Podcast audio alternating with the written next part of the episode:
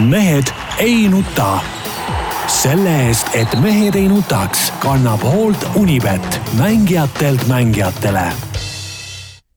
tere teisipäeva, Mehed ei nuta eetris nagu ikka, Tarmo Paju Delfist. tervist! Peep Pahv Delfist ja Eesti Päevalehest. tervist! Jaan Martinson Eesti Päeva, Päevalehest, Delfist ja igalt poolt mujalt. Tarmo topib mulle seda mikrofoni suhu, nii et vabandage väga, kui mul diktsioon ei ole perfektne. Aa, et sellepärast sa hoiadki seda kaugemal, et siis sinu halb diktsioon ei eh, kostu nii hästi välja. ma ei tea, jah. kõik kuulajad mõtlevad, et okei okay,, et seal lihtsalt heliprobleem on. sa räägid palju kaugemalt. ma räägin kõvema häälega lihtsalt. aa, no eks ma võin siis ka kõvema häälega rääkida. mis teil seal sporditoimetuses toimub, kuule? on midagi südamel ka meestel? üks huvitav uudis oli eelmisel nädalal äh,, ma ei tea, kas te panite tähele, oli siis äh, nimekiri, ei, see polnud nimekiri, uudis oli sellest, et äh, Eestis on vaadake mingisugune list äh, perekonnanimesid, mida ei saa inimesed endale nagu vabatahtlikult võtta. nii, sa, Jaan juba teab, kus ma siin. jaa, ma tean, jah ja,. et, et neid, need nimed, need on siis need nimed, mida on vist üle viiesaja Eestis kasutusel ja siis on niisugune nimekiri, et noh, näiteks kui keegi tahab võtta endale lihtsalt heast peast ja kindlasti neid tahtjaid on palju, nimi, nimeks Paju, siis ta ei saa, on ju kui siis peab abielluma minuga.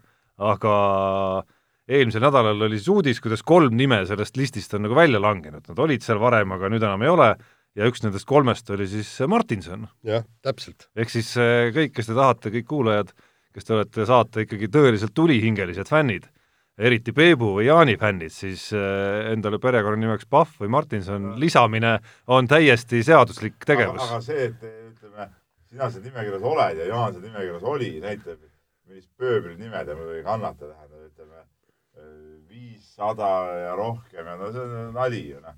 vaata, Pahv on ikka ikkagi, see on ikkagi antud nimi, eks ole, seda iga Mats endale nagu ei saa niimoodi. kuidas ei saa? ei no sünniga. ma lähen ja võtan lihtsalt. no läheb ja võtab, no see ei ole see võtmine midagi. ja ei mingeid nimekirjasid, eks ole, Pahvisid on, on alla kahekümne Eestis, ma võin ütelda. et, et vahepeal oli isegi alla kümne, aga, aga nüüd on natuke, ütleme juurde tulnud, aga selles suhtes sa oled ise ka panustanud? olen ise ka panustanud, aga, aga nii on, et noh, peab olema ikkagi, ikkagi eriline inimene, mitte niisugune nagu tavaline hall mass nagu teie olete. no mina enam ei ole, mina enam ei ole. aga jah, et ja, ikkagi no olin, olin hall mass, nüüd sain siis valgeks massiks. nii, aga noh, huvitav on see, et, et kooliaasta algas ja, ja asjad ikkagi ei muutu, tähendab nii kui eh, kooli algusega, kui kooli algusega hakkavad ilmuma kindlad lood ja jutud ja kõik ja üks, üks lugu, mis on, et, et umbes, et need eliitkoolid, nii-öelda eliitkoolid, need on halvad. jaa ja..., need on väga halvad ja soovitan lugeda meie järgmist LP-d, seal on minu sulest ka tuleb väike seisukoht sellest, meil on seal see nii-öelda konservatiivi ja liberaali vastasseisus täpselt sel teemal ja loomulikult ma olen igasuguse eliitkoolinduse vastu täiega kohe Põhi. põhimõtteliselt sul mõne, mõnes asjas on õigus, okei okay.. mul on alati ei, kõiges õigus, jah. Peep, okei okay., ma olen selle eliitkoolindusega, ma olen üsna sinuga ühel meelel, küll aga seal oli põhijutt oli see, et, et mikspärast, tähendab, meil toimub kihistumine. et ühed õpivad paremini, saavad paremaid töökohti, ta-ta-ta ja seal, et ühesõnaga see on nagu äh, haridus äh, toodab haritust, et, et siis tähendab, kelle vanemad on haritud et need siis, nende lapsed on ka haritud ja kõik, et see on halb. ei, mitte see pole halb, vaid, vaid kõigil lastel peavad olema koolis ikka võrdsed võimalused, mitte mitte ei, ei saa kõigil... mingit, mingit imekoole seal korraldada, mingit aga... joosta mööda mingid katsed ja unusta ära, Jaan, täielik lollus. aga kõigil on ju võrdsed ole, võimalused. aga miks ei ole? igaüks saab ju põhikoolist kõrgkooli saada. ei, seda muidugi no,, aga ma ütlen, et kui sa hakkad tegema siin mingeid eliitkoolidesse. Sealt on ikkagi mingid eh, eriprogrammid, mingid, ma ei tea, mingid lisatunnid peale selle, kui palju seal on eh, maksumaksja raha eest, kui palju seal on juurde ostetud eraraha eest, see, ei, ma, okei, okei, see eliitkooliga olgu kuidas on. olema niimoodi, et aga... ei ole, ei tohiks olla sellist asja, et lapsevanemad jooksevad seal ühed konkursilt teisele seal oma mingi mudilasega, veavad käe otsas seda mingi enda ambitsiooni nimel, no unustage ära, pange oma elukoha järgsesse kooli ja, ja las käivad seal ja, ja, ja rahumajas, ega midagi, mitte midagi ei juhtu mitte midagi juhtus normaalses koolis tavalises? ei, ega ei juhtugi ja tegelikult Tarmo, sina oled ju tavalise kooli lõpetanud, mina olen tavalise kooli lõpetanud, minu lapsed on tavalise kooli lõpetanud, kõik on ülikooli läinud, aga see ei ole mitte sellepärast, et nad on kuskil eliitkoolis õppinud, vaid sellepärast, et, et lihtsalt meil oli, kodus oli põhimõte, et laps peab minema kõrgkooli ja punkt. Et, et aga mis, aga mis põhimõte see selline on? ei, no ei, nagu ta oli meil lihtsalt. aga miks sul niisugune põhimõte oli? ei no lihtsalt ei, aga miks, aga seleta ära, tähendab sinu silmis, Jaan mm., siis ütleme, niisugust ütleme, eluliselt vajalikke lihttöid tegevad inimesed ei olegi enam inimesed. sellepärast, et, sellepärast, et sinu lastele see töö nagu küll. sa nüüd ajad ju liiale seda. Peep, kuule mul poeg teeb ju täiesti lihttööd. aga no, aga, aga lähedki minu arust ülikõrgkooliga pooleli. jaa, jättis, jaa, jättis pooleli, eks. aga, aga ega see ju ei tähenda. ei no mis ta peab siis minema vägisi, see on ju lollus, sa tead, öelda, et peab vägisi minema, ei pea minema, noh. see on ju täiesti mõte- ja minu arust peale gümnaasiumi lõppu kohe otse ülikooli ei tohikski inimene minna ei tohikski. enne kui tal ei ole aru saama, mida ta tahab üldse õppida aga.... palun peaks olema kõigil kohustuslik üks aasta teha mingit tavalist tööd, eks saada aru, mis ta elus tahab, eks ole. tahad finantsi õppida, okei okay,, mine ole pangateller seal natuke ja siis mine seda õppima. oota, Peep no., jällegi, osaliselt sul on õigus. täiesti õigus. ei, tähendab, minu puhul oli väga selge, eks, et mul oli vaja nõu-, Nõukogude sõjaväes ära käia enne seda, kui ma saangi täpselt teada, mida, mida ma siit elust tahan. aga samas näiteks minu lastel oli väga, neil oli juba keskkoolis täpselt teada, millega nad tegelema hakkavad. ja neil ei olnud küll seda vaheaastat vaja. et kel-, kellel kuidas, eks aga, aga tähendab veel kord, ma ütlen, et mitte eliitkool ei ole, ei ole see probleem, miks, miks osad saavad kõrgharitud ja teised ei saa, vaid, vaid see on ikka perekonnast lähtuv. ei no aga ma ütlen see, et panna perekonnas niisugune reegel, et kõik peavad minema ülikooli, see absoluutne lollus kuubis. ei, absoluutselt mitte et nad, nad teavad juba väiksest peale, nad valmistavad, nad õpivad äh, täpselt nii hästi, et nad saavad äh, edasi kõrgkooli. aga kõik lähevad kõrgkooli, mis siis elus, mis siis elus saab siis? ei, aga mis sa lähed kõrgkooli ja pärast seda sa võid ju ka korstnapühkijaks minna, mitte midagi no, mis mõttega sa kõrgkoolis käid siis? no sellepärast, et saad, saad haritud. Lähme, lähme nüüd spordiga. kuule, lähme spordiga, räägime lapsepõlve pikendamine. Lähme, lähme. Lähme, lähme räägime Magnus Kirdist. Äh, Teemantliiga finaal. viimase viskega vend võitis kenasti selle äh, võistluse ära, pistis tasku päris kopsaka summa, aga peatähtis on see, et, et ikkagi ta on praegusel hetkel, mitte midagi ei ole teha, ta on maailma esiodaviskaja, mm on tulekul, nii et, et lootused on noh, ütleme niimoodi, mõõdukalt kõrged. mõõdukalt kõrged küll, seal üks väike niisugune, kuidas ma ütlen, noh, äh, väike krõbin nagu selle asja sees muidugi on, et et tegelikult äh, viimastel võistlustel ta ei ole leidnud päris seda äh, õiget äh, viset ja seda õiget tunnet sellest õigeks viskeks, seda näitas, eks ole, siin see Pärnu võistlus, okei okay,, siin ei olnud ka õiget konkurentsi, aga okei okay,, tal ei tulnud ikkagi see asjad välja. sama asi ka seal finaalis, kuni selle viimase katseni ta ise ütles ka, et et need eelmised visked, mis kaheksakümne viie peal läksid, ei olnud seda kehas, seda, seda õiget äh, pinget sees nagu. Õnneks viimase katse see tuli välja.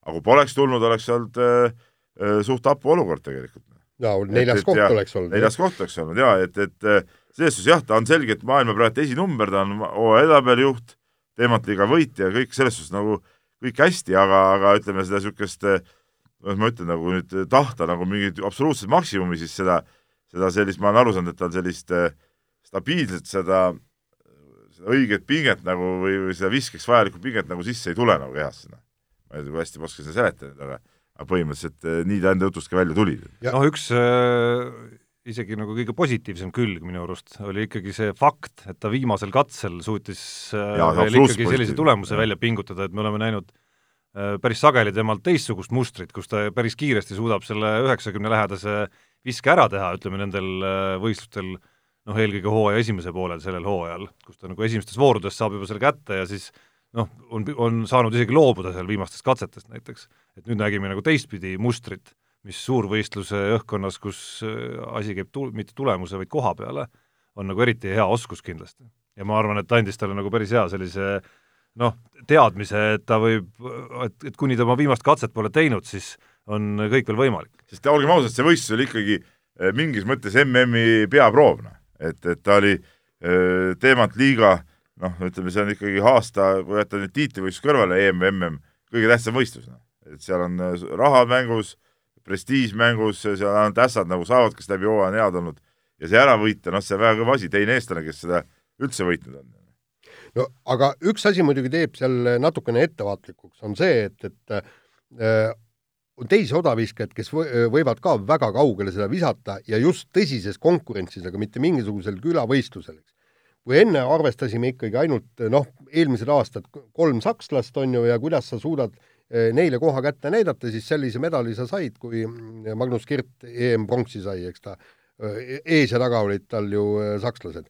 siis nüüd ei ole sakslased veel oma võimu näidanud ja, ja, ja ütleme nüüd niimoodi, et samas igast muud udri-mudrimaade mehed välja ilmunud. just, täpselt, ja, ja ütleme nüüd niimoodi, et kui need sakslased venitavad ennast ka sinna nii-öelda üheksakümne meetri lähedale, siis võib ikkagi see odaviskevõistlus äh, kujuneda ülimalt kõrgetasemeliseks ja, ja seal võib juhtuda kaheksakümne kaheksaga jäädki medalist ilma.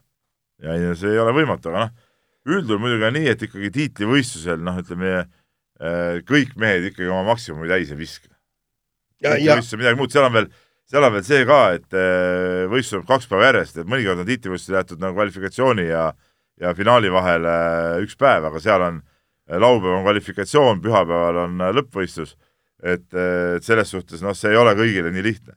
jaa, aga, aga, aga vaata ise, see tegelikult ongi see odav ise on ju viimastel aastatel on ju aeg-ajalt on niisugune üllatuskuldade võtmise võistlus. Noh, Julius Diego, eks, noh, kindlasti, kindlasti ta ei olnud öö, number üks kandidaat, see, kes võitis öö, olümpial, see Trinidadi mees. Trinidadi ja. mees on ju, eks. ma ei suuda praegu nime praegu keele peale. siis mingid kreeklased. Kimmo Kinnunen oli kunagi, mäletate? ei no tema, noh, so-, soomlased on soomlased. jah, see oli MM-il kunagi. EM-il kuskil võitis mingi kreeklane. Kostas Katsudis. just. tähendab, ütleme niimoodi, et need üllatajaid ikkagi on ja, ja, ja need ajad, kui Äh, Pakli võitis EM ja Selesni võitis MM, need ajad on, äh, ma arvan, et möödas. kindlalt ei ole, selge see, et odav ise on ka väga kapriisne ala, et, et seal ju piisab väiksest, ütleme, selle väljaviskenurga äh, muutusest või eksimustest, oda lihtsalt ei lenda, et, et et äh, ütleme, et äh, Magnus Kirdil on, on MM-i eel ikkagi nagu, MM-il ka ikka ees väga raske ülesanne, sa võid olla küll maailma parim, aga aga see vise on tarvis nüüd seal ka ära teha jah, ja, ja kergelt märgid ikkagi näitavad, et nüüd, kui Doha mm on lähenemas ja, ja vist need kõige raskemad trenniperioodid on läbi ja mitte ainult odaviskajatel, vaid kõikide alade tegijatel, siis tulemused noh, lähevad ikka päris üles ja seesama teemantliiga võistlus oli ka ikka ju väga silmapaistev ja mitte ainult odaviskes, vaid jooksualadel ja, igal pool, kaugushüppeni välja. ehk siis, ehk siis ka odaviskes, seesama Hoffmann on sakslastest saanud nüüd oda lendama ja kui siin need röölerid ja mehed vahepeal maadlesid ka nagu noh, ikka üsna seal kaheksakümne meetri joone juures seal, siis vaikselt on näha, et need ka liiguvad ikka ülespoole. seda oli nagu arvata, et eh, kuna see mm on nii hilja, eks ole, et siin sportlased võtavad erinevaid neid lähenemisi selle hooajale, et eh, mõned vennad ikkagi sihivad ikkagi konkreetsesse tippu sinna eh, oktoobri esimesse nädalasse ja, ja nii ongi, et see, et see nii pikk hooaeg, väga raske on olla terve hooaja tippu, seda õnneks nagu ka Kirt on vahepeal ennast nagu ikkagi nagu tagasi tõmmata, teinud oma rasked trennid ka ära, noh vahetult enne Eesti meistrivõistlusi näiteks ta rääkis seda, kuidas ta tegi need rasked trenne, et, et, et noh, valmistutud on nagu õige, õige skeemi järgi. No ütleme niimoodi, et, et kannatamatusega tuleb oodata seda Doha MM-i odaviset, et et sellest saab äge võistlus. Doha MM-i võib üldse kannatamatusega oodata, aga samas ma jälle vaatasin, ma pean sinna kahjuks ise kohale sõitma. ikkagi see temperatuur ja see kõik, nagu paras, paras peavalu seal, et et eh, praegu ilmaprognoos on, et iga päev on kolmkümmend kaheksa kraadi soojem. no jaa, aga sinul on ju staadionil hea ja olla. staadionil on jah, konditsioneerid, mis on küll äh, siis hoiavad staadionil temperatuuri kuskil kahekümne nelja, viie peal. aga noh, ikkagi no see, ma ei tea, miks niisuguses kohas peab võistlema, ma, ma ikka tunnen kaasa maratooneritele, kes peavad südaööl startima oma distantsil, täielik lollus, idiootsus jah, aga hommikuti sul, hommikuti võistlusi ei toimu, sul on hea, sa saad linna, mööda linna jalutamas käia. ei, jalutame kolmekümne kaheksa no, kraadiga. mis seal, on, hea rasvapõletus. jah, täpselt. ma vaatasin, mul on hotelli katusel on bassein, ütleme hommikuti kavatsen siis seal ütleme vedeleda, poolpuhkusena. nagu hüljes. nagu hüljes, nagu morsk. puristan sealt vee sees muide, Tarmo, sa oled pealtnäha tark inimene, kuule, tee mulle selgeks, vaata, kui sa lähed sauna ja, ja kütad selle temperatuuri ikkagi vä väga kõrgeks, on ju, viskad leili kõiki, higi hakkab voolama. huvitav, miks rasv ei hakka sealt kõhu seest välja voolama? see higi ongi see rasv. ei olevat kahjuks. oleks see asi nii lihtne. jah vot mis küsimused on tekkinud no, sul aastatega ikkagi no,. ja mingisuguse äkki mingi teadusnurga siin veel looma, rubriigi. ärge jamage, see, see see saab olema, ma arvan, üks nagu suurimaid ei pseudoteaduse miks, Jaani perekonnas kõik kõrgharitud inimesed, no sealt sa, tema, Martin Sõidi perekond hakkab vastama küsimustele. no ei, absoluutselt, ei ole probleemi. jaa, ärge jamage.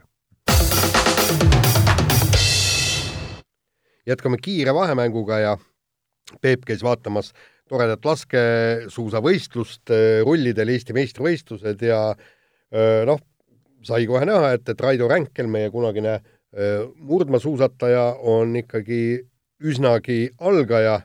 noh, vend lihtsalt unustas osa padruneid salve ei, laadimas. ta ei unustanud laadida, vot sa ei lugenud jälle lugu nagu Ei, põhjalikult. et ta laadis nagu neid salvesid nagu liiga palju, siis eh, Rene Sahkna oli kõrval, ütles, et kuule, et ära nelja salve lae, et meil on ju kaks tiiru ainult selles sprindistantsi eel. ta ütles, et oi jah, ja siis selle viimase, mis tal oli pooleli laadimisena, lükkas lihtsalt püssi külge ja need, mis olid täis laetud, siis jättis vist kõrvale. Ütleme see oligi niimoodi, nagu meelega, ma arvan, Rene Sahkna ikkagi tajus, et Jah. siin on oht üleval, ja see on see, see on see koge, töötamine. kogenud laskesuusataja teab, vaata, mis Jah. nippidega seal, noh, nagu ka noh, nagu siin meil harrastati golfimängus, hakkad seal rääkima, et kuule, ära nüüd eksi, on ju, et vaata, sinna metsa ei löö, on ju. sa tuled enne, enne võistlust tuled ja hakkad rääkima, et kuule, et sa ei pea nii palju neid padruneid panema sinna. Aga ütleme niimoodi, et, et see endal võis vist äh, Raido Ränkelil küll niisugune koomiline tunduda, et, et see on nagu mingisuguses Märuli filmis on ju, kui lased põmm-põmm kaks esimest lasku ära ja siis klõks, klõks. Jah. jah, aga ei, tegelikult oli vahva vaadata ja Raido Ränkeri suusakiirus võrreldes teistega muidugi hoopis teisel tasemel, et et ma eh, vaatasin nagu teisel päeval, kui oli see massstart ja ta võttis kõikides tiirus, võttis siis kolm eh, trahviringi, no seal teised võttis ka muidugi suhteliselt palju, aga ta ikkagi iga tiiru järel jäi sinna täitsa lõppu, aga siis tiiru tagasi tuli jälle, ütleb okei okay,, Sahkna oli seal natuke ees, tuli sealt teise ja kolmandana, seal tuli alati tiir, sai jälle kolm tükki mööda ja jälle maha, tiiru tagasi jälle oli seal. no lihtsalt see, mida ma, ma lugesin ka su lugusid üsna hoolikalt, millest ma ei saanud ja ma arvan, et keegi võib-olla ei saanud päris hästi aimdust, et kas see on nüüd miski, mis transleerub ka kuidagi lumele ja kas see nagu maailma konkurentsis samamoodi paistaks väga kiirena välja. aga seda ei oska keegi ütelda. seda on raske hinnata praegu. Et kas ta, ta ütles, kas ta arvas- ja Ermitsaga suusakiiruselt, kuigi nüüd, olnud, see ei ole lumel suusatamine, no, on ju, ikka peaks parem olema. oli ta nagu silmnähtavalt parem ta või ikka silmnähtavalt parem muidugi. aga mis ta, ta ise ütles, et ta, ise hindab, et ta suusakiirus ei tohiks olla langenud võrreldes eelmise aastaga. noh. et ta on teinud korralikku suusatrendi sinna alla, noh. et noh, ma lihtsalt, ma lihtsalt tahan, tahan siin öelda, et, et ta võib ju meie meestest suusakiiruses parimad olla, aga ma tuletan sulle meelde, et äh, Björn Dahlen on, on murdmaasuusa MM-il võitnud kulla ja Berger, norralane, on täpselt samamoodi kullale tulnud. nii et, et et, et see ei tähenda, et ta oleks no ma, seda ma tahtsingi öelda, et Jah. Sahknast ja Ermitsast kiirem Ei, no olemine muidugi. veel ei muidugi see ei anna, kui sa lased, lased iga kord kolm pauku mööda, noh siis suures mängus sa ei jõua ju kuhugi sellega, see on, see on nagu selge, et kõigepealt peab hakata natuke pihta ka laskma, aga, aga mis on nagu, mis on nagu hea lahe, ongi see, et, et vähemalt mees on nagu olemas ja tahtmist täis oli ja väga, väga sihuke, väga vahva oli. ja mis veel laskesuusatamist seda üldse Eestikat puudutab, siis muidugi see meie naiste see sisemine konkurents tundub, et on päris, päris vägev, et seal nagu ikkagi viis naist on, kes, kes ikka väga tõsiselt seda asja teevad ja ja võivad erineval päeval kõik erinevad äh, võitjad olla, et seal seesama Grete Kaim, kes viimasel ajal on suhteliselt varjus olnud, seesama distantsil Tuuli Toominga sõitis terve võistluse koos, viimase paugu panid mõlemad mööda ja siis viimasel ringil jäi, jäi natuke maha, eks ole, sest et Tooming, kes sai varem natuke tiirust minema, väike vahe sisse, seda ei suutnud enam nagu kinni nõeluda. aga muidu oli, oli, oli väga, väga vahva oli. jaa, aga see ongi see ootus, mis juba, juba noh, tegelikult paar aastat tagasi Jah. tekkis, et sealt võib kujuneda selline nagu potentsiaalikas naiskond just välja ja, ja kus me oleme näinud siin loobujaid ka ju kas või laskesuusatajate leeris ja selliseid nagu üksikuid hunte, kes on ära läinud, et siis viiekesi on võimalik nagu mingisugune nagu koondis tekitada ja luua ikkagi mingisugune süsteem, et see asi kõik, et see skamp just kuidagi suudaks nagu jätkata. Üks huvitav kohtumine oli seal veel, mis ei puuduta enam Eesti laskesuusatajat, Maris Sakars, endine Eesti koondise peatreener, on laskesuusatiirus tagasi, et on nüüd uuesti kutsuti Läti koondist juhendama. et, et ma viimati kohtusin temaga, see oli siis äh, talve lõpus, see oli märtsis kuskil, olin Kulbenes poistega Eesti-Läti liigat mängimas ja siis oli veel Maris Sakars Kulbene, Kulbese spordikooli eh, direktor, korraldas meile seal õhtul banketti ja, ja, ja istusime seal ja jõmisesime ja, ja siis ta ütles, et on, on mingi variant nagu, et, et võib-olla läheb sinna ka tagasi ja, ja nüüd oligi, kutsuti välja ja ja on jälle töö peal tagasi. tore mees oli Jaan, sa mäletad küll, kui ta Eesti koondise eesotsas oli. jutu lõpetuseks ma tahan natukene muidugi hoogu jällegi maha tõmmata, toriseda ja viriseda siin natuke, et ühest küljest see on jube hea, et, et meil on viis võrdset naist, teisest küljest äh, see on ebaloogiline, et meil oleks viis äh, laskesuusatajat maailma tippu. ei no tipus nad muidugi just, ei ole. et pa, palju parem, palju parema meelega ma näeksin, et üks oleks teistest minuti võrra ees, mis tähendaks seda, et ta suudaks ka maailmas midagi teha no pigem on see, et kui meil on nagu enam-vähem võrdsed naised ja meil on nagu teatevõistkonnana on mingi lootus tegelikult äh, jõuda ühtlase tasemega kuskile sinna noh, kohtadele seitse, kaheksa, üheksa näiteks. no just. mis oleks täitsa tubli tulemus. no see oleks MM-il vaja esikaheksasse jõuda ja rahade peale. jah, no mu väide, Jaan, vastu lihtsalt on see, et kui sul on olemas neli-viis, ütleme siis sellist äh, noh, me räägime suhteliselt noortest veel ikkagi, mitte, mitte küll juunioridest, aga, aga ikkagi seal kahekümnendate alguses äh, sportlasest, siis äh, kui sul on olemas neli-viis sellist, kes on suutelised näiteks noh, ma ei tea, kolmekümnendaks sõitma ennast MK-l ja suudavad, ja vähemalt üks neist suudab edasi areneda, noh, see tõenäosus lihtsalt, et keegi neist areneb ka siis äh, poodiumi kõlbulikuks ja suuteliseks, on oluliselt suurem kui see, et sul on see üks ja siis ainus lootus on, et äkki tema jõuab. no aga noh, kõige parem ütles tegelikult Tuuli Toming, kes kogu selle asja peale, et et ega see suve asjade põhjal ei maksa neid järeldusi teha, me oleme talisportlased ja väga õige, praegu see, kõik see meie jutt on umbluu jälle tegelikult. jaa, aga sellegipoolest jääme talispordi juurde, Saskia Alusalu, kes siirdus treenima Norra koondise juurde, on pidanud tõdema, et tal on tunne, nagu oleks, nagu ei olekski ta seni kiiruisutamisest midagi teadnud. jah, ei päris huvitav oli temaga rääkida sel teemal ja, ja ta oli jah, ise, ise ütles ka, et, et kusjuures ma korra segan, ka Kristjan Ilvese esimesed muljed Norras treenimisest on Just, minu arust kõlavad sarnaselt, üsna sarnaselt jah, ikkagi. ei, ta ütles, Alusalu ütles, et ta tegelikult vaata kunagi ta harjutas selle Jeremy Waterspooni juhendamisel, ta ütles, et ta nüüd ta hakkab nagu aru saama, mida Jeremy üritas talle nagu rääkida, et siis ta ei saanud nagu sellest äh, aru, et, et nüüd selle põhjal, mis ta Norras näeb, saab aru nagu mida, mida nagu tema üritas talle rääkida, et noh, et ütleme, ta ei olnud ise valmis veel toona võib-olla neid asju niimoodi vastu võtma, aga, aga noh, kui Eestis ikkagi ütleme, kiiruisutamist kui sellist nagu koondise tasemel ja, ja, ja võimaluste tasemel ei ole, et siis on muidugi nagu väga hea, et ta, et ta saab seal teha niimoodi ja ja, ja saab äh, Norra, Norra treenerite utsitust, et, et väike lootus on, et mingi arengus mingi hüppe õnnestub võib-olla teha jälle. jaa, aga, aga jällegi seal, seal tulebki taaskord see välja pigem võib-olla rohkem Kristjan Ilvese puhul, kui, kui ta ütleb, et, et trennid on intensiivnemad, intensiivsemad ja koormust on rohkem ja kuidas detailidele tähelepanu pööratakse, kõik. siit tekib küsimus, ma alusalust praegu ei räägi, meil ei ole äh, maailma tasemel või tipptasemel äh, kiirusjutreenerit siin Eestis aga, aga, aga paljud ka, ka, ka korvpallurid on ju öelnud, et noh, et need korvpallitrennid, mis on seal, erinevad palju sellest, mis on siin. et kas me oleme tõesti nii pikalt ja sajanditega sellest uuest nii-öelda treening, uutest treeningmudelitest maha jäänud? no ilmselt mõnedel aladel oleme, jah. ma küll ei tahaks öelda, et see korvpallis näiteks, et me, et, et mujal on mingisugune e, e, leitakse mingeid uusi asju hirmsasti ja me teeme mingit hirmsa vana süsteemi, seda, seda kindlasti mitte. ei, mitte uue aga korvpallis on see vahe lihtsalt, et et seal on äh, klubides nagu treenerid ja inimesed nagu rohkem, kes tegelevad ja sealt nagu, sealt nagu tuleb see vahe sisse kõige ei, rohkem. aga, aga mis puudutab neid igast, äh, ütleme, vastupidavusalad, eriti näiteks äh, kergejõustik, ütleme, jooksualad, suusatamised, need, kus on väga treeningmetoodikad muutuvad ja, ja kus ütleme, suurte, suured need äh, vedurkoondised nii-öelda mõt-, noh, töötavad välja uusi variante, et seal kindlasti Eesti ei ole nagu päris esirinnas, see on, see on nagu loogiline, ei saagi olla. Aga... meil ei ole vastavat seda, seda niisugust baasigi, mille pealt nagu neid metoodikaid niimoodi välja töötada. just, aga, aga mis korvpallis ja, ja võib-olla ka jalgpallis on, on, on räägitud, ongi just see, et treeningute intensiivsus ja, ja, ja kõik see ja noh, nagu me oleme korvpallis ka rääkinud, et see jõusaali osakaal, osakaal ja, ja kõik need tulevad mängu, et, et et eh, see on kahetsusväärne, et kui me oleme nii väiksed, meie peaksime ju tegelikult oma väheste talentide puhul maksimaalselt nendest välja pigistama. noh, see intensiivsus eh, on ju tegelikult seesama teema, millest eh, ütleme, nendel aegadel, kus, kui me suusatamise juurde tagasi tuleme, nendel aegadel, kus Eesti suusatajate tulemused justkui langu langema hakkasid ja hakkasid kostuma hääled, et, et kas Mati Alaveri metoodikad ikka nagu tänapäeval kuidagi kehtivad ja et siin maailmas hoopis vaadake, mismoodi ja mis kiirustel sõidetakse siis see oli ju esimene asi, millest rääkima hakati ja ja kui sa nüüd Kristjan Ilvese juttu kuulasid, siis täpselt seda see ju rääkiski. see lause vist oli, et ta pole vist kas intervalltrenne nii palju kunagi teinud varem, kui, kui nüüd Norras olles.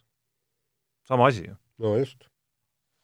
nii, aga Eesti kolm kord kolm kolmpallurit said siis hakkama suure asjaga, võitsid Torontos Red Bulli maailmaturnee finaalvõistluse, ma ei tea, keegi on seda kirjutanud, võitsid peaaegu tiitlimedali, noh, ma nii hulluks seda asja ajaks, et tegemist oli siiski ütleme, mingisuguse eh, sarjaga, mille, mille taset on ju tegelikult siin nagu raske hinnata, et no ei tea, ikkagi tegemist oli ikkagi ju, isegi me nägime, oli korvpalliliidu esindaja isegi Aktuaalse Kaamera spordisaates ja, ja, ja sealt tuligi see jutt, et noh, et, et ta on peaaegu tiitlivõistlus et ta ei ole nagu päris tiitlivestlus, ta on ikka no, peaaegu. no ma püüdsin kiire nagu, kiire sellise otsingu teha, ma läksin Fiba lehele.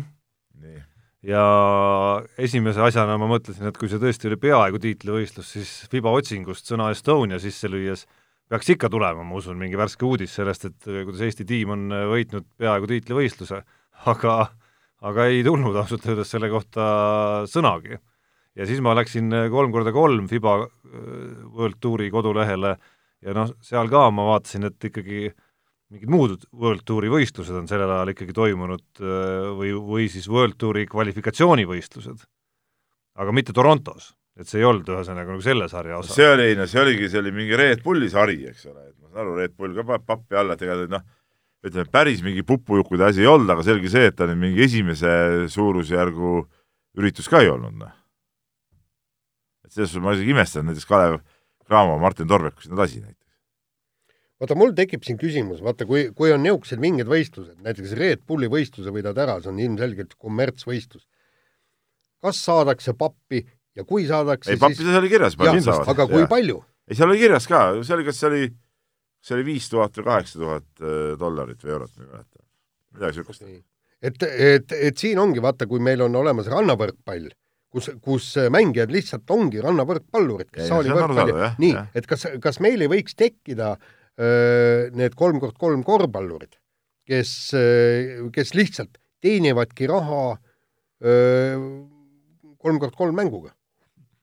nojah, muidugi võiks olla, aga noh noh, teistes riikides me näeme, et ega sinnapoole see läheb maailma ikkagi. tipud, kes on kolm korda kolmes, noh, neid sa tegelikult saali korvpallist ju ei tea. okei okay,, need lätlased, äh, mingid on, kes on ka kolm korda no rahvusvahelises mõttes sa ei tea ikkagi. no jaa, nad olid nagu Nad ei ole Läti koondislased. ei, seda küll, mängisid siin ütleme klubi tasemel, aga seal ka poole hooaja pealt siis nagu kadusid ära ja läksid oma kolm korda kolm asju tegema, et. Aga, aga ma ikkagi hirmsasti, mul ikkagi tohutu sportlik huvi oleks kuidagi näha, kas äh, nüüd, kui see nagu olümpiakava tuleb, kas noh, mõtleme ameeriklased kas või näiteks. Et äh, ükskordki tahaks näha, mis juhtuks, kui ma ei tea, Lebron James, James Harden ja äh, ma ei tea, Anthony Davis paneks kolmiku kokku ja tuleks, et, et mis siis nagu juhtub? Juhtub, võidad ära. ei no ma tahaks seda nagu näha ükskord, et näha, et pole midagi näha, võidavad ära. või, või ka Eesti mõttes näiteks, et äh, okei okay,, me näeme siin selliseid noh, mõne mehe puhul episoodiliselt koondist esindanud mängijaid seal, aga et kui ükskord tuleks neile vastu lihtsalt nagu kas või mingi, ma ei tea, tähtede mängu formaadina, paneks ükskord vastu äh, Äh, ma ei tea, Siim-Sander Vene, Janari Jõesaare ja, ja kellegi veel sealt, et, et mismoodi see tulemus nagu siis jääks, et kas see kolm korda kolm on nii spetsiifiline, et, äh, et kui sa ikkagi silmnähtavalt meisterlikumad mängijad paned vastu, siis ja kindlasti on spetsiifiline mingil määral, aga selge see, et ütleme, sellel tasemel siin äh, ikkagi see korvpall jääb ikka korvpalliks ju kokkuvõttes. no üks-üks on selle alus igal juhul. üks-üks on ikka alus ja, ja tal ei ole nii suurt seda erinevust kui näiteks rannavoolel ja saalivõrkpallil, see on nagu selge nii, aga võtame järgmise teema, lähme vehklemise juurde ja Nikolai Novosjolov, meie kuulus kahekordne maailmameister, püsis Eesti koondise peatreenerina, B-meeskonna peatreenerina aasta aega. peaaegu aasta. peaaegu aasta jah, ja nüüd otsustas loobuda ja põhjus oli siis selles, et ta ei ole nagu ülesannet täitnud meeskond pidi MM-il kuhugi jõudma, nüüd langeti EM-il jõudma ja nii edasi. ja, ja langeti, langeti rahade pealt ära ja, ja, ja, ja kõik nii, et, et noh, juba algusest peale oli see küllaltki naljakas eksperiment, et et see on nagu vehklev treener ja, ja noh, Novosjolovil endal käevigastused ja seal oli ka igasuguseid muid probleeme öö, tal ju ka ja noh, ütleme niimoodi, et, et minu meelest oli see ikkagi üks, üsnagi suur ämbrisse astumine noh, mingi lootus oli tol hetkel, et äkki treeneriks olemine kuidagimoodi äh, paneb teda ka meeskonna eest rohkem võistlema, aga ka seda ei juhtunud. Seda juhtus juba sellepärast, et ta saigi vigastada, eks ole, ja, ja no seal oli, seal olid naljakaid asju ka. seal nad, oli, üleüldse seal oli naljakaid asju muidugi, aga, aga noh, kui, kui nad käisid seal ookeanitagustel äh,, tagustel äh, MK-turniiridel ja, ja nad läksid äh,, läksid kohale, siis tema ja Sten Priinits äh, koondist välja saadetud ja, ja võistkond jäi võistlemata, sellepärast et me oleksime võinud ju ühe vehkle sinna juurde saada, no oleks saanud koguda punkte, aga, aga millegipärast seda ühte vehklejat ei peetud paslikuks sinna saata. ja minu meelest, kui sa oled koondise peatreener ja sa noh. sa pead võitlema selle eest. muidugi, see on loogiline, jah. aga ise sa lähed kohale ja, ja kolmandat meest, noh. aga eks seal nagu ikka Eesti vehklemises, seal oli ka omajagu mingeid intriige ja asju öö, välja koorus, kui seda lugu sai ka kirjutatud, sai siin räägitud inimestega, et, et seal, seal võib olla noh, ütleme neid vaidlusi ja, ja momente oli, oli, oli kõvasti, aga kõige selle juures on veel meestel säilinud võimalus olümpiale pääseda, noh. no kindlasti, aga noh, nüüd on siis Peeter Nelison. Peeter Nelisongi praegu ajutiselt, ütleme, kõigepealt teeb selle ühe võistluse ära, kui sellega kaovad lootused olümpiale pääseda, siis ütleme, loobub tema ka sellest peatreeneri kohast. Noh. jaa, aga meil on ikkagi vaja ju treenerit. ei, muidugi on vaja. no mulle tundub, et kui olümpialootus kaob, siis vist kaovad ka, kaob suurem osa nendest vehklejatest tipptasemel ei no siis oligi kes, kes hetkel meeste ma saan aru, et kokku on. lepitud niimoodi, et vaata praegu saab, saavad neli meest siis seda C-kategooria toetust, et kui see koondisega see ära kaob, siis, siis see raha vist läheb ainult kahele mehele edaspidi, kes siis võitlevad nii-öelda nagu no, Novotšolov saab jubi toetust, et tema, tema peale küll kindlasti ei peaks seda raha minema, et tema saab oma mehe kätte. jaa, aga no ütleme praegu nagu mingi niisugune plaan nagu oli. nojah. aga kiire vahemängu lõpetuseks põikame veel rallispordi juurde millele ka Peep nädalavahetusel käis kaasa elamas. ma vaatan, et eh, kiire vahemängu, mis kiire meil muidugi on nagu, on nagu ta on. ei no oleme, see on viiest teemast neli on, eh, on minu, minu selle nädala tegemised, eelmise nädala tegemised. ehk siis toimus Lõuna-Eesti ralli ja kaks väga põnevat duelli olid seal kahes arvestuses, aga see, millest me rääkida tahame, puudutab siis juunioride sarja arvestust, mille ametlik nimi vist oli Junior Challenge või midagi ja, sellist, kus siis eh, Ken Torn Äh, kaotas lõpuks null koma kuue sekundiga Robert Virvesele, ehk siis äh, täiesti õigustatud on vist küsimus, et kas Saaremaa äh, Ott Tänaku angaaridest on järjekordne rallitalent välja tulemas. kohe on näha, et Tarmo-sugune mees, kes põrinatest mitte midagi eriti ei tea ja ei pea, ei ole jälle piisavat tähelepanekut Eesti Päevalehte lugenud, sest et juba talvel, kui Robert Virves tegi oma esimesed head sõidud, sai kirjutatud artikkel, räägitud noormehe endaga, tema juhendaja Ivar Tänakuga. no meie saate isaga. kontekstis, Peep, on ta ikkagi äh, ei, uus tulija. ei, ma nüüd esimest korda, ma arvan, mainime ta nimes. ma nüüd tahan kuhugi jõuda selle jutuga. ja seal artiklis juba ütles Ivar Tänak ta kohta, toores talent, et noh, mehes on asja, noh, mehes aga, on asja aga.... ja, ja lõpe-, äh, kaks tuhat sünniaastaga poiss alles, eks ole, saab alles äh, või sai juba üheksateist, ma nüüd täpset kuupäeva ei tea, eks ole, noh, kaheksateist, üheksateist aastane, et selles suhtes kui nüüd äh, õigesti suunata ja, ja sättida seda asja, siis äh, võib, võib, äh, võib midagi tulla võib-olla. just, ja täpselt seesama kõik see jutt tuli mulle meelde, kui ma täna luge-, äh, lugesin Õhtulehest väga head intervjuud Gunnar Kruudaga, väikse Kruudaga, oli Gunnar? Gustav Kruuda. Gustav Kruuda, jah, Gustav Kruudaga, kus ta, tema ütles, tema ei usu rallisõidu talentidesse, et ei ole olemas niisugust asja nagu talent ja ta tõi näiteks seal Äh, Kalle Romantpera ja siis Väikse Solbergi. Äh, ja ütles, et need vennad on ju kümneaastaselt peale tunde ja tunde ja kümneid tunde testinud, sõitnud ja kõike ja, ja see on nüüd see põhjus, miks nad on sedavõrd eh, kiired ja, ja, juba noorest peale. ikkagi talenti ka ja, selle jaoks. sellega ma olen nõus. selles suhtes ma ei ole Gustaviga kes tegelikult on väga hea rallikommentaator ja, ja, ja väga, väga, jagab asja väga hästi selle detailiga, et talenti ei ole olemas, eh, ma kindlasti nõus ei ole. et sa võid, sa võid eh, lihvida, lihvida, aga sul ei tule nii hästi välja kui teisel mehel, kes sama palju lihvib ja on sinust parem, siis tema on järelikult talendik. ma usun, et me, me, Jaan ja sinuga kumbki sellele samal lihvi peale, sama hulga lihvi peale ei saa sama heaks nagu Tänak. Vaata, selles ma ei ole kindel, kui me, meid oleks viieaastaselt peale kindlas äh, rütmis treenitud ja harjutatud, kui ma oleks seda ja, ja, ja aga kui sa lõpuks ikkagi, vaatad tippmehi, siis neid on kõiki. keegi neist saab paremaks, sellel mehel on rohkem nõus, jah, okei okay,, sellega ma olen nõus, aga nüüd äh, vaata siit on siis järgmine küsimus, kas see Robert Virves, kui ta on äh, lihvimata talent, jumal tänatud, et ta selline on, kuidas me saame nüüd talle anda ja luua samasugused tingimused, nagu on loodud äh, Solbergile ja Romantpere no loomulikult me niisuguseid päris tingimusi ei saa, aga ei saa sinna luua, lähedalegi? no lähedalegi. no kõigepealt äh, on see, et noh, ta on ju esimest aastat sõidab siin nagu nii-öelda päris äh, sellisel tasemel, eks ole, et äh, ma ise usun, et kui ta vähemalt on seal Ott Tänaku tiimis ju ja, ja Ivar Tänak teda seal juhendab, et võib-olla selle kaudu ikkagi, kui see on, noh, seda näha, näevad, et poisis on mingit alget, et saavad ta kuidagi edasi suunata, aga küsimus on muidugi paljuski rahas, eks ole, palju, kas ja, ja kui palju keegi on nõus sinna raha tagasi, taha panema, noh.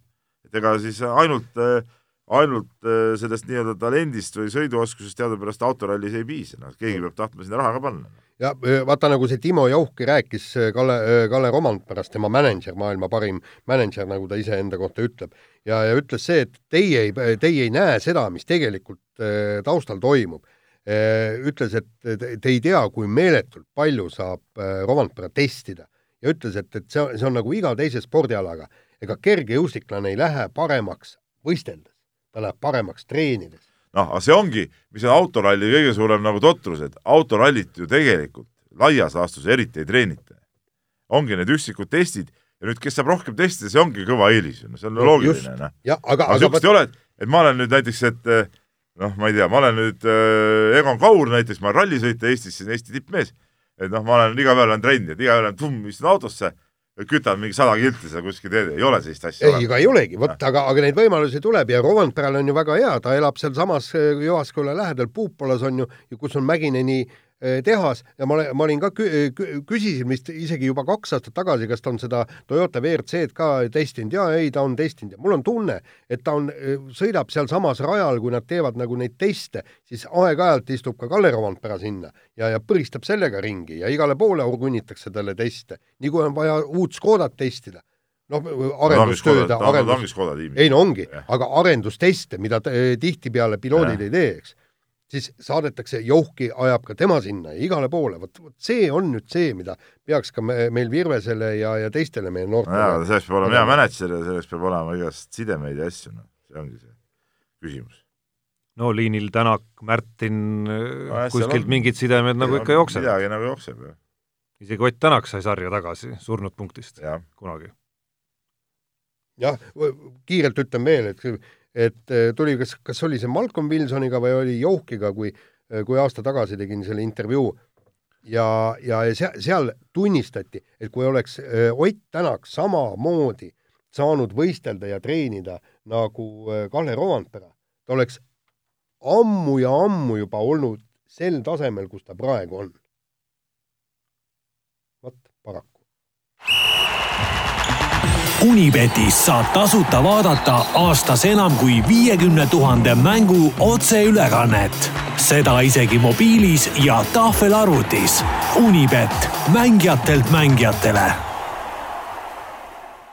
nii vist Unibetist ei ole see, seekord mõtet rääkida, nii et on ikka, on, on, ikka, on ikka, on ikka, sellepärast, et sellepärast, et Peep mäletatavasti eelmises saates ja, lubas, algab korvpalli mm ja, ja läheb mölluks. no aga möll, ma alguses hindasin olukorda, olukorda, nii, aga mul on tänaseks on pandud kolmikpanus nii. ja kindel võit. äkki valgustad ka juba siis? ei no kindlad võidud on pandud. noh? no. kes võidavad? no, et ma saaks pöialt hoida sulle lihtsalt ei, nagu no, muud midagi. las no. olla, mulle, ma ei, täpselt ei mäletagi aga ma panin, ma võtsin sealt kolm mängu ja panin, panin igatahes kolmikpanuse ja, ja sealt tuleb kindel, kindel võit. selge, no minul on raport Leedu oli seal võitjate hulgas, ma võin ütelda, aga ma teisi tõesti ei mäleta, mis mängud need olid. no minul on korvpalli MM-i esimesest nädalavahetusest äh, miks ma muidu nii elavalt äh, räägin sellest äh, kolmest kolm, kolm panust kõik läksid täkkesse, nii et esialgu, olgem ausad, ei ole seal ühtki üllatust olnud, nii et, et väga raske on seal ka midagi mööda panna. Ei no selles mõttes, et äh, ega ma siis ühe koma null kolmeseid koefitsiendiga panuseid ei pannud, et äh, need olid kõik niisugused ühe koma üheksa kandis ikkagi. ühe koma üheksased panused on kõik läinud ikkagi nii, nagu, nagu on pidanud minema siia. no aga miks sa ei pannud siis? rahu, rahu.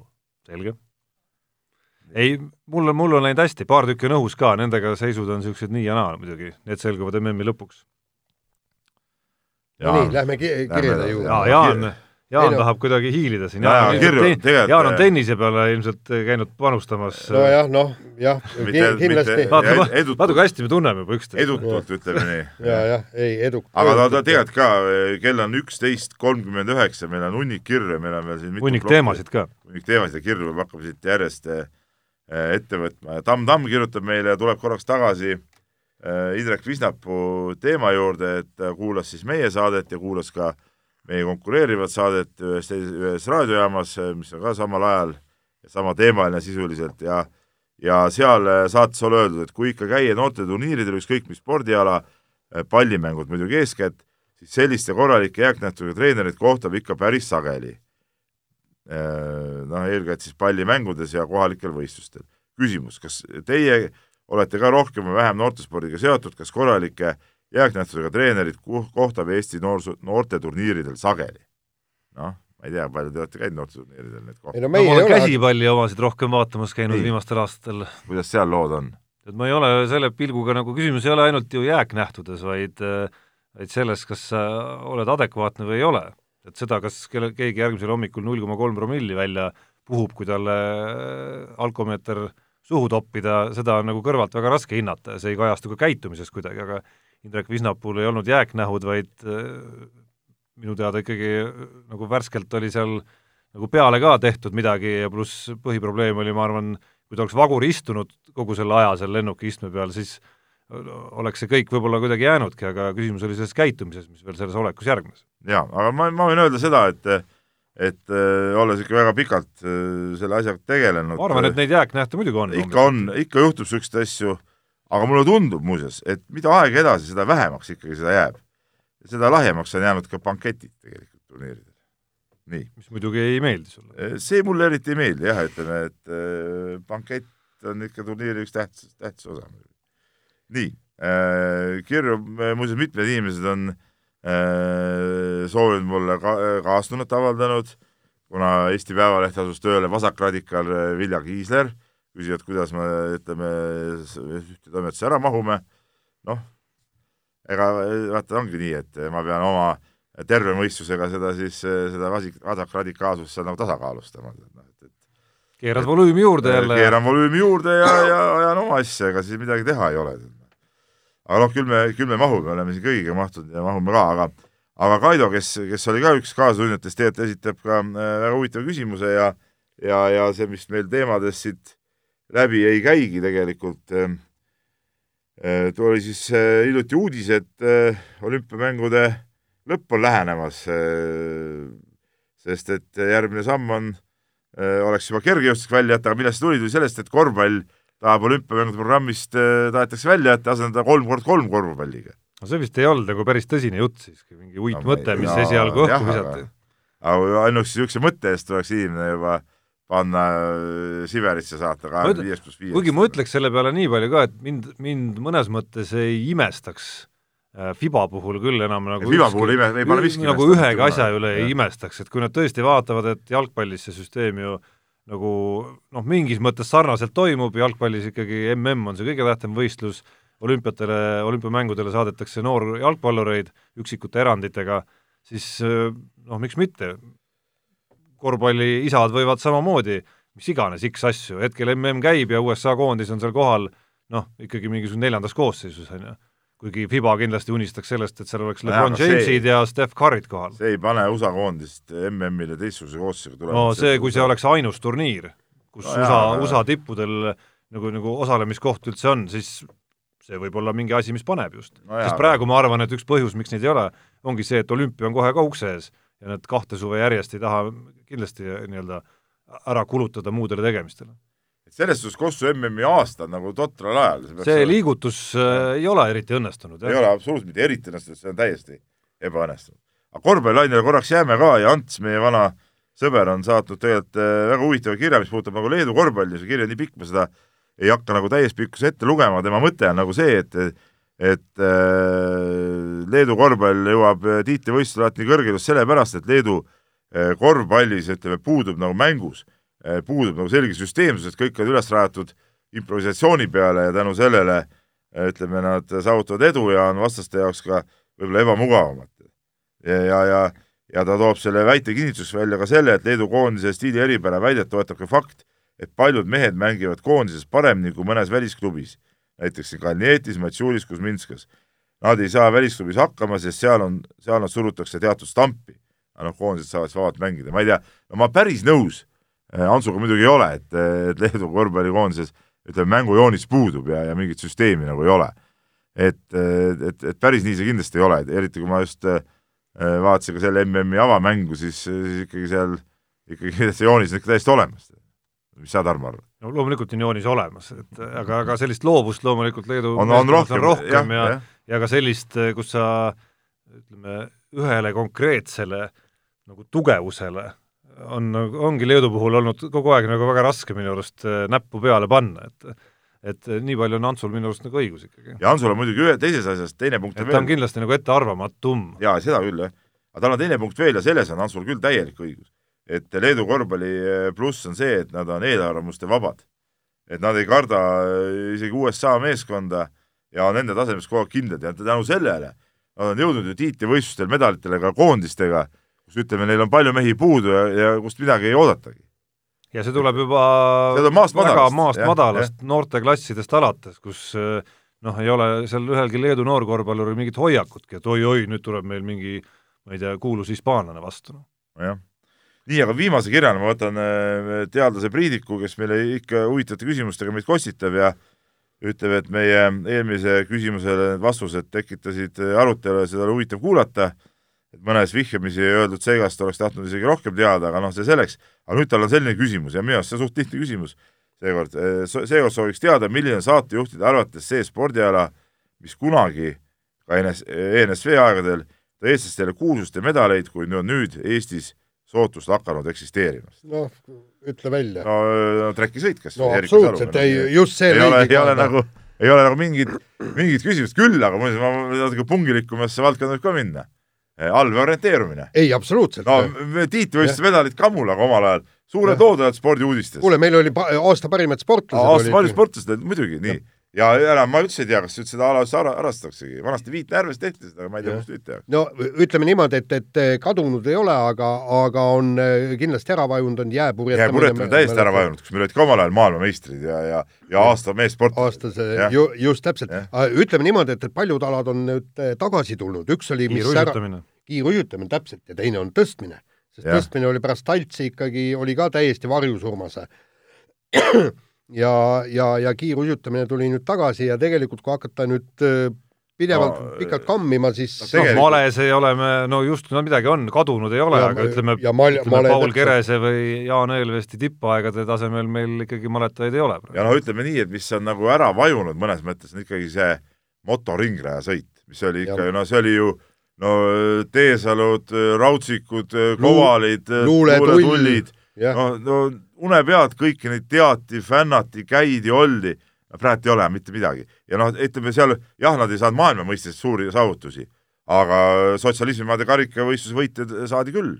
et noh, ja need etapid ja need olid see oli ikka kõva asi ja praegu ei ole nagu mitte midagi sinna lähedalegi, et selles suhtes niisuguseid eh, jah, neid alasid on, on, on täiesti olemas tegelikult, mis on mis on ära kadunud, neid on kindlasti veel tegelikult. ja, ja kusjuures ma arvan, et, et on ka alasid, mis, mis vaikselt hakkavad jällegi ära kaduma õige pea, no võtame kas või no, judo näiteks no,, ütleme taseme mõttes, judo taseme mõttes ju, no, okei okay,, siin mõned üksikud medalid, siin on veel Minaskin on siin midagi saanud, aga nii nagu oli, ütleme seal üheksakümnendate lõpp, kahe tuhandete algus, kus ikka judos noh, oli kogu aeg nagu midagi pildid ja kirjutasime lugusid, käisite seal, Jaan, sa käisid seal kohal mingit tiitlivõistlustel, asjadel noh, seda ju pole enam äh, kuskilt otsast. ja, ja näiteks maal, maadlus oli ka vahepeal varjusurmas, kui Nikitin medal oli, mis ta oli, kas üheksakümnendate algus? jah, alguses kuskil jah, kolm-neli kuskil. jah, just ja. täpselt ja järgmine oli kaks tuhat kuus oli Eiki Nabi kuld, eks, seal, seal oli ka ju tegelikult üle kümneaastane seisak, eks. kiirelt, enne kui sa lähed teemade juurde, ma Unibeti nurgas unustasin uude nädalasse vaatamata, eripanus on täiesti pakkumiste all olemas ja see on äh, eraldi panus võimalik on BC Kalev Cramo peale panna Kaunase Žalgirise vastu, jah, ja koefitsient on neli koma null, mis minu kiirel hinnangul on tegelikult päris hea siiski. arvestades, et A, tegemist on kontrollmänguga, B, Žalgirisel on pool koosseisu puudu, aga see teine pool nii nõrk ka ei ole muidugi, mis ei, kindlasti ei ole jah, aga BC Kalev Cramo on ikkagi täiskoosseisus, tõsi, ei ole veel mingeid mänge vist pidanud veel. Žalgiris mängis Panevežisega aga Pane... Cramo vist, kas see nädal nad ei peaks mängima veel enne no, seda, seda enam, et kui Žalgiris mängis Panevežisega punkt-punkti mängu, ma usun, et Kalev võiks olla ikkagi Panevežisest kõvem meeskond. neli koma null on päris hea, panin päris ära. tasub panna küll, paned? no tegin ära. tegid ära, no näed euronoor jutu käigus kompuutris möllab, nii no,. kiirelt nüüd kappame edasi. paneme kappame edasi, ärme kõlli vahepeal lase ja ikka võiks lasta. no, no kiirelt. Ikka annab nagu teise tunde no just, äh, naiste võrkpallist rääkisime, et e eelmine saade lõppes, äh, pärast seda äh, meie naiskond mängis väga toreda mängu Aserbaidžaaniga ja alles viiendas game'is vannuti alla ja, ja just täpselt see, mida me rääkisime kõigepealt sa pead õppima mängima EM-il, siis sa pead õppima mängima, võitma ühte geimi, siis sa pead õppima võitma kahte geimi ja mängima viiendas geimis.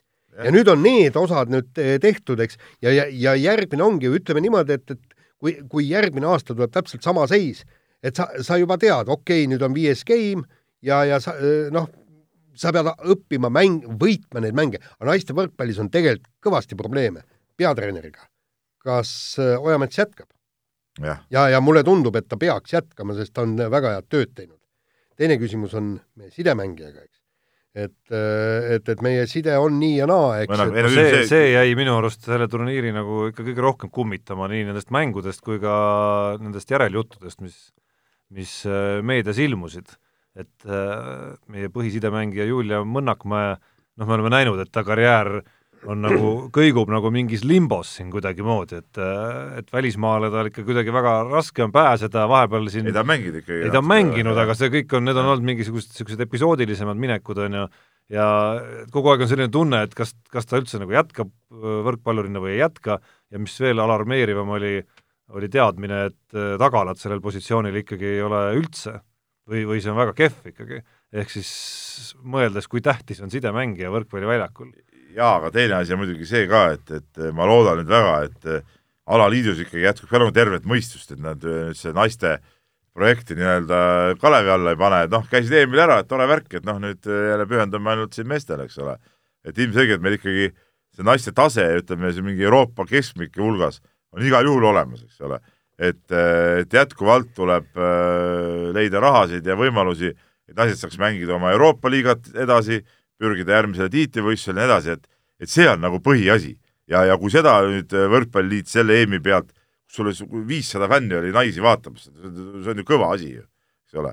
Äh, kui selle pealt nüüd nagu edasi ei minda, et no siis, äh, siis võivad need küll ennast natuke, ma ei tea, mis koha pealt kõditada, need alaliidu juhatuse inimesed.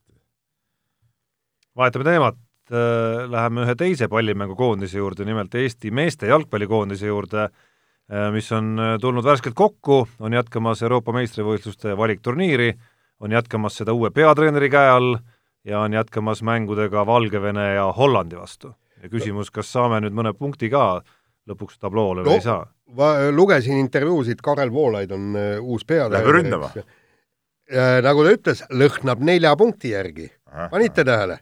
Et eh, mis tähendab siis sealt, et Valge, eh, Valgevene käest kolm ja no ühest küljest äh, au muidugi mehele ja, ja ühest küljest on muidugi rõõmus lugeda, et ollakse kartmatud, rääkisime Leedu korvpalluritest siin just, kes ei löö risti ette, ükskõik kelle vastu nad lähevad, teisest küljest mulle meenub, et ka Martin Reim, kui ta sai peatreeneriks, tahtis väga ründama minna. ja see esimene, esimene mäng kohe lõppes, lõppes päris jah, hirmsasti. okei okay,, nüüd esimene on küll Valgevene vastu, et nii hullult ei saa see lõppeda no ütleme niimoodi, et, et Valge, Valgevene on tõesti nii ja naa, aga mäletame Hollandit, me oleme viiki mänginud Hollandiga, kusjuures meilt võeti ilmselge võit ära ja kõik nii, et noh, miks mitte oleme juhtinud Hollandi vastu. jaa, ei absoluutselt, jah. kaks korda vist. kaks korda isegi? jaa, jah. et, et ütleme niimoodi, et neli punkti oleks magus. no see oleks magus küll, aga no, no ma ei oska nüüd ütelda, kas see on, kas see on ikka reaalne. muidugi tõesti Valgevene koondisest ei tea nagu ausalt öeldes nende võimalikust tasemest ei tea nagu eriti mitte midagi. noh, eks nad peaks olema ju oma no, üllatuseks kuulsin no., et Gleb mängib siiamaani seal.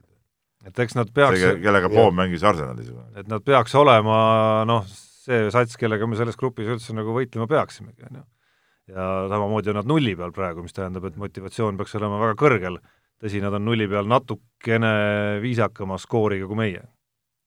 aga no selge see, et Valgevene vastu noh, tuleb minna võitu üritama, eriti kodumängus, no siin selles suhtes on, on muidugi peatreeneril absoluutselt õigus, et et noh, kelle vastu või kus siis veel, kui mitte siin ja Valgevene vastu. ja kusjuures järgmine asi on see, et, et tema on, kuidas, kuidas ta on see treeneri kohusetäitja, eks. ja see on selge, et, et vend peab näitama nüüd nende mängudega. kui niisama loksutab mingit niisama uina-uinat, siis ei juhtu ju midagi temaga. et, et ta on vääriline et, et, olema ta, peatreener. ta peab ikka tõestama ennast praegu. just, ja temal on ka väga motivatsioon laes. nii, võtame järgmise teema. aga, aga me... mitte kaua, ärge pikalt rääkige, see on korvpall, kedagi ei huvita. mis me räägime, meil on aega praegu, me suutsime siin kiiresti tagasi teha aega no. korvpalli MM on käimas. alles algas, pole veel mitte midagi ei, seda küll, et muidugi selle peab jälle kohe ära ütlema, seda on kõik muidugi öelnud, see kolmkümmend kaks meeskonda täielik jura ja see on täielik jura, et äh, MM hakkas pihta siis äh, laupäeval, eks ole, täna on juba teisipäev, ühtegi üllatust ei ole toimunud kogu MM-i jooksul seni olnud üks põnev mäng. ei, rohkem ikka. eilne Poola-Hiina. rohkem ikka. mis seal veel jamad, see oli esimesel päeval Puerto Rico, kelle vastu tuli seitsmeteistkümne punktilisest kaotusseisust välja, viimase rünnaku kolmesega võitsid okei okay,, no see oli ka jah. et seal ei, seal on olnud no jaa, äh, nende nende mängude seas, kus äh, noh, mida sa ei jälginud, et huvitav, kes see võidab, on olnud äh, nagu põnevuslahinguid ka üksikuid. aga üksikud, no, aga ikka üksikud. aga noh, ütleme midagi nüüd väga, ütleme niisugust paeluvat ei ole veel olnud, on tõesti olnud mõned niisugused head mängud, mida on hea olnud vaadata, näiteks mida ma ise vaatasin, oli see Kanada-Austraalia oli, oli päris tore mäng, kuigi ma ei saa öelda, et see nüüd oli nüüd nagu mingi kvaliteedi tipptase, aga aga ütleme, ta oli niisugune hästi, hästi mõnusalt äh, vaadatav mäng, noh, eilne Hispaania ja, ja noh. Puerto Rico. Puerto Rico äh, mäng äh, oli ka, ütleme niisugune, ütleme ta oli nagu päris korvpall ikkagi. jah, aga noh, üldjoontes samas on mingid viiekümne, kuuekümne, see on nagu miniklass, noh. no niisuguseid asju ei tohiks olla sellisel tasemel. no üldjoontes on raske vastu vaielda kõikidele nendele häältele, mis ütlevad, et, et see osalejate arv on ikkagi liiga suureks aetud või, või siis on lihtsalt need kvoodid, mille järgi pannakse osalevad meeskonnad või see kolmkümmend kaks kokku lihtsalt nagu niivõrd nihkes, sest Euroopal ilmselgelt peaks olema rohkem, rohkem kohti selle kolmekümne kahe seas, et kui sa paned nüüd või paneksid nende satside asemele, kes on siin koslepeid kätte saanud, nagu Angola või Senegal näiteks, paneksid esimeste hulgas EM-finaalturniirilt Äh, või tähendab MM-ilt välja jäänud Läti, Euroopa näiteks. meeskondi, nagu näiteks Läti või Soome, äh, no tuletan meelde, et Euroopa meister Sloveenia üldse ei ole kohal, on ju, et äh, noh, siis sa ei näeks selliseid tulemusi ja selliseid mänge. ei, absoluutselt, see on, see on nagu kindel. aga no ütleme jah, laias, laias plaanis vaadates äh, tundub küll praegu, et kõik õiged võistkonnad, nii-öelda õiged siis, kes peaksid esimesest äh, sellest etapist edasi saama, kõik sinnapoole ka, ka liigub, et nad saavad no Leedul üks, üks test on vaja läbida no,. test on vaja läbida täna, see on nüüd, seda mängu nüüd ma muidugi täna ootan, et et see võiks olla huvitav, et kui seal nüüd vääratatakse muidugi, siis on muidugi paha lugu, siis on väga paha lugu. aga noh, muidugi Leedu jälle äh, esimene mäng oli noh, niisugune muljetavaldav, aga nad mängisid muidugi olematu, olematu meeskonna vastu. et ega lihtne Kanada vastu olema ei saa täna, see on selge nii, ja võtame viimase teema, räägime meie neljapaadist ja vaatasin äh, vanemaid artikleid eelmine aasta, kui isegi neljapaat MM-ile ei läinud, äh, peatreener Mati Killing ütles, et ongi hea, meil oli raputust tarvis, hea, et, et kõik see jama eksperimentidega ja kõikide muudega juhtus vaheaastal, et nüüd lähme järgmine aasta ja paneme. pandi siis nii no,. pandigi ju, poolfinaali jõuti. jõuti poolfinaali, jah, tähendab progress. võrreldes sellega, et sa üldse ei osale. ei olnud tulemust, eks ole, nüüd on poolfinaal, igal juhul areng on pika tehtud. jah, ja poolfinaalis viimane koht, sellega langeti EOK rahadelt ära, olümpiakohta ei saadud, nüüd on kevadel on MM-i kaheteistkümnes koht. no ja. polegi paha, eks ju. mitte poolfinaali, mitte B-finaali viimane. Jah, no ütleme nii. et kõvem kui C-finaal, eks. jah. no kõige huvitavam on minu arust ikkagi, et mis järeldus nüüd tehakse ja et mis mis see resümee on, et okei okay,, siin äh, võib ju igavesti jääda rääkima selle üle, kas küsimus oli äh, mis oli siis poolfinaalis äh, tehtud vale otsuses, et aerud kuidagi ei seadistatud vastavaks siis sellele, mis oli ilm sellel päeval, ja siis see algatas mingi jada, kus kõigepealt ei saadud edasi ja teiseks B-finaaliks saadi veel kõige ebasobivam stardijoon või stardirida. Või ikkagi minna nagu nüüd Tõnu Hendriksoni sõnu mööda, mis rääkis sellest, et ei ole mõtet nagu väga rääkida mingist ebaõnnest, vaid põhjused on ikkagi selgelt mujal. Ja kas nüüd kuidagimoodi õpitakse ka sellest, et see noh, kas alustades kas või sellest nagu tõmblemisest, mida on äh, olnud äh, kõik need aastad sõudjatel täis, et kas me nüüd lõpuks jääme olukorda, kus see paat püsib nüüd koos ka, kuni ma ei tea, võiduka või kaotusega lõppeva, lõppeva lahenduseni? mina kardan kõige rohkem seda, et lihtsalt äh, ütleme, see sõudjate selline kooslus on oma aja eest ära elanud. et ikkagi mehed on oma karjääri tippu nagu juba ületanud lihtsalt no ma ei tea, jälle nagu füüsiliselt vaata füüsiliselt nagu nad tunda, aga mille põhjal sa hindasid seda? ei, aga testi, testide põhjal on öeldud, et, et vähemalt test. Ei no, ei no füüsiline test, kui sa teed koormustesti, siis sealt näeb, et, et sa oled parem, aga nüüd sa oma, oma eh, seda vastupidavust ja jõudu ja kiiruslikku vastupidavust ei suuda millegipärast sinna tõmbesse panna ja paati liikuma saada eh, õigel kiirusel, õigel määral. räägime sellest poolfinaalist, et me ei seadistanud aera ümber kas, kas kõik need kuus või ülejäänud viis vastast, kas nemad seadistasid ja kui keegi ei seadistanud, miks siis nemad siis nii-öelda tühja rapsides olid meist ees ja meie jäime ju poolfinaalis viimaseks? et, et, et seal, seal tegelikult ma usun äh, Hendriksoni küll rohkem, et, et seal on, seal on probleemid mujal. kui eelmine aasta ta juba põrutas äh, üpris kõvasti, et kuulge, mehed, hakake lõpuks trenni tegema ei no kusjuures ei saa ka öelda, noh, sa ei saa endale vastu rääkida, ei saa ka öelda, et ei tehta trenni, kui füüsilised näitajad on niivõrd head. Jaa, aga kas on kõigil, see on neljapaat, aitab sellest, kui ühel mehel on äh, kuskil siia-sinna. Ja ega Hendrikson äh, ei tahtnud, äh, tegelikult küsisin, kas mehed on hakanud trenni tegema, ta selle peale ei öelnud, ta võiks, oleks võinud öelda, jaa, ei, vennad panevad lõuad nagu loomad. no siis sa ei saagi ju rääkida, et see, nad on tippvormis kõik ju, Jaan. ma ütlengi, et see aeg, aga võib-olla üks asi see, et, et et miks sa oma tippu tuled, ongi see, et sa enam ei suuda ennast maksimaalselt sundida pingutama trennis, see näitab ka seda, et sa oled, et sa oled nagu oma tipu ületanud allakäigul, no mitte see, et et sa ei jaksa rohkem teha, vaid see, et sa vaimselt ei suuda ennast sundida rohkem trenni no aga see võib olla, jah. selles ma ütlengi, et see, lihtsalt mulle tundub, et see seltskond on enda sportliku selle tippaja üle elanud juba ja, ja nii ongi, midagi teha ei ole. Peame leppima sellega ja nüüd peame ootama, kui tuleb lihtsalt mingid uued vennad, kes aga noh, sõudjate mõistes nende vanused ei ole ju noh, Tõnu Hendrikson on küll vanem, aga teiste vanused ei ole sellised, mis peaks, mille kohta peaks ütlema, et äh, best before on läbi. no just, täpselt, ja kui me vaatame kas või see Andrei Jämsa, kui ta võistleb, mis see oli, kolmekümne seitsmenda koha pärast, eks, no andke andeks, tegelikult tema tase ei tohiks selline olla ka ühe paadil. okei okay,, ma saan aru, et, et B-finaali ei saa, C-finaalis ikkagi sõuda ja, ja korralikult sõuda. et kui Keeruline. füüsis on korras, jah. keeruline ja selgelt sotti ka ei saa tegelikult ju. just, ja tegelikult noh, ütleme niimoodi, et võtame see nelja paat enam ei pääse, mehed hakkavad vaikselt otsi kokku tõmbama, eks. et, et mis siis ongi? sellega ongi meie sõudmine vaikselt voolab kadunud spordialade hulka või? vähemalt teatud ajaks või mis? et see oleks küll äärmiselt kahju. no see moraal ikka minu arust mingil määral jääb ka siit üles, et et kas ikka oli vaja nii palju tõmmelda kogu aeg ja, ja Muidugi muuta neid ja proovida, et see, see moraal ilmselgelt jääb siia, noh. nojah, see tõmblus oli ikkagi millestki tingitud ma ka arvan, et ei oleks pidanud. aga no ilmselt äh, vana, vanamoodi ei tahetudki enam edasi minna, eks seal tekkis ka juba mingi rutiin ja, ja väsimus sellest asjast. no vot. nii, sellega on meie saade läbi, nautige iga sporti tuleb uksest ja aknast, korvpalli MM-id, Eesti valikmängud, Žalgiris, Kalev Cramo, vot see on võimas mäng, tulge kõik kohale. kusjuures ma isegi äh, äh, noh, mõeldes natuke tagasi mingitele sarnastele sellistele mängudele, noh, Žalgirise jaoks on see üks selline mingisugune rutiinne samm ettevalmistuses, aga Žalgirise vastaste jaoks sellises olukorras ongi see päris eriline asi, mäletad kunagi, kui äh, TTÜ A Le Coq või, või mängis kaasani Unixiga näiteks TTÜ spordihoones? võitis isegi, vist oli nii ju? Äh, vist oli jah, jah. noh, tohutu asiotaaž oli, Martin Müürsepp oli veel vastaspoolel ka. ja nüüd on Gerg Riisa ja Gerg Riise, jah. ja mine sa tea, äkki tõuseb kõrgemale kui Martin Möörsepp kunagi. nii, okei okay., Jaan, äh, Jaani suu on nüüd aeg sul sulgeda head nädalat kõigile! mehed ei nuta. saate tõi sinuni Unibet, mängijatelt mängijatele